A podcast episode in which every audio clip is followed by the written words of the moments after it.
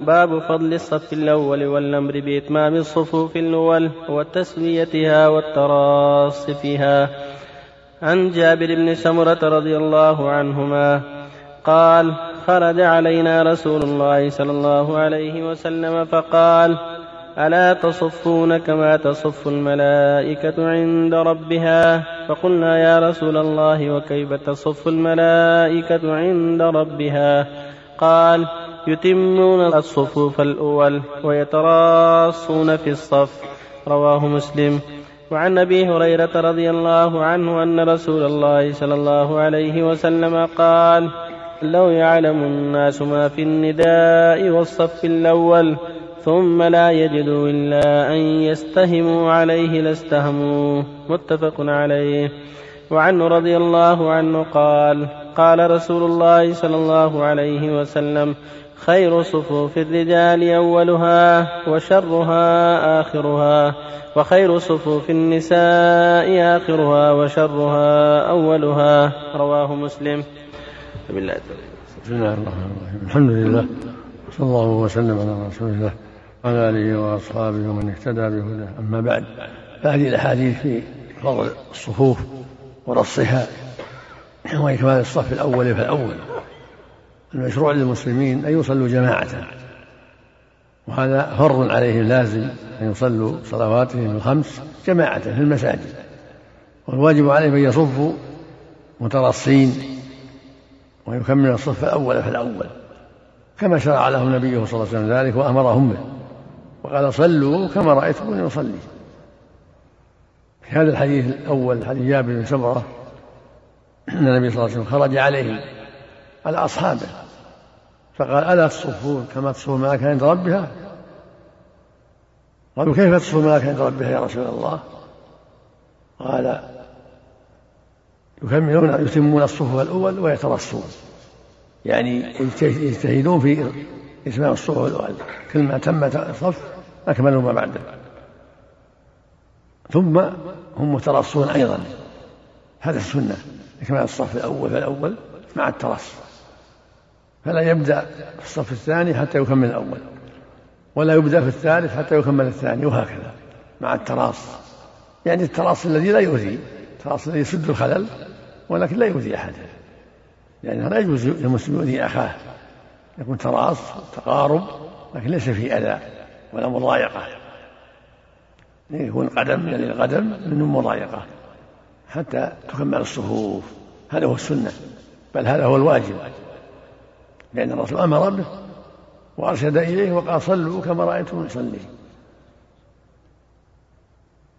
ويقول صلى الله عليه وسلم لو يعلم الناس ما في النداء والصف الأول يعني من الفضل والأجر ثم لم يجدوا إلا أن يستهموا أن يستهموا يعني لو يعلم الناس عظمة الصف الأول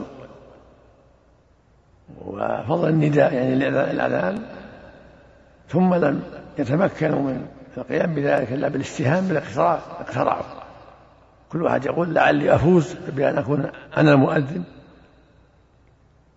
أو أكون في الصف الأول. من كثرة الأجر وعظم الفضل في الأذان والصف الأول.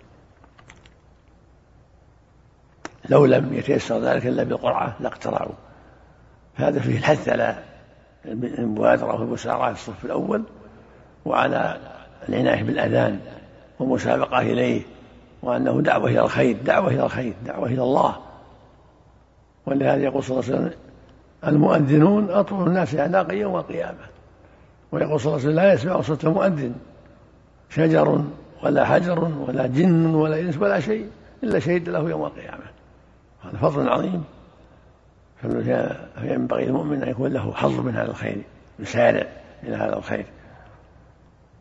من جهة الصف الأول من جهة الأذان من جهة رص الصفوف تكبير الأول فالأول حتى يكون منافسا في الخير ومرشدا إليه. مع المنافسة يرشد الناس ويعلم الناس ويوجههم. والحديث الثاني يقول صلى الله عليه وسلم خير صفوف الرجال أولها وشرها آخرها. وخير صفوف النساء آخرها وشرها أولها. وجه ذلك أن الرجال مشروع لهم أن يبادروا ويسارعوا إلى الصف الأول. تشر صفوفهم الآخر لما فيه من الضعف والكسل والتأخر. أما النساء فمشروع لهن البعد عن الرجال وعن الفتنة. فشر صفوفهن أولها وخيرها آخرها. لما كان أبعد عن الرجال فهو أسلم. إذا كانت إذا كان ليس بينهم ساتر حاجز. أما إذا كان بينهن حاجز وبين الرجال فالأقرب والله أعلم أن خير الصفوف أولها لزوال الحكمة والعلة. فلو كانوا في محل مستورين يسمعون الصوت وبينهم بين الرجال ساتر ولكنهم في المسجد فخير الصفوف أولها. لما فيه من المسابقة إلى الخير والمسارعة إلى الصلاة. لكن بيوتهن خير لهم. مع هذا كله بيوتهن خير لهم. وفق الله. نعم. الله إليك بالنسبة للنساء يتراصون كالرجال؟ نعم.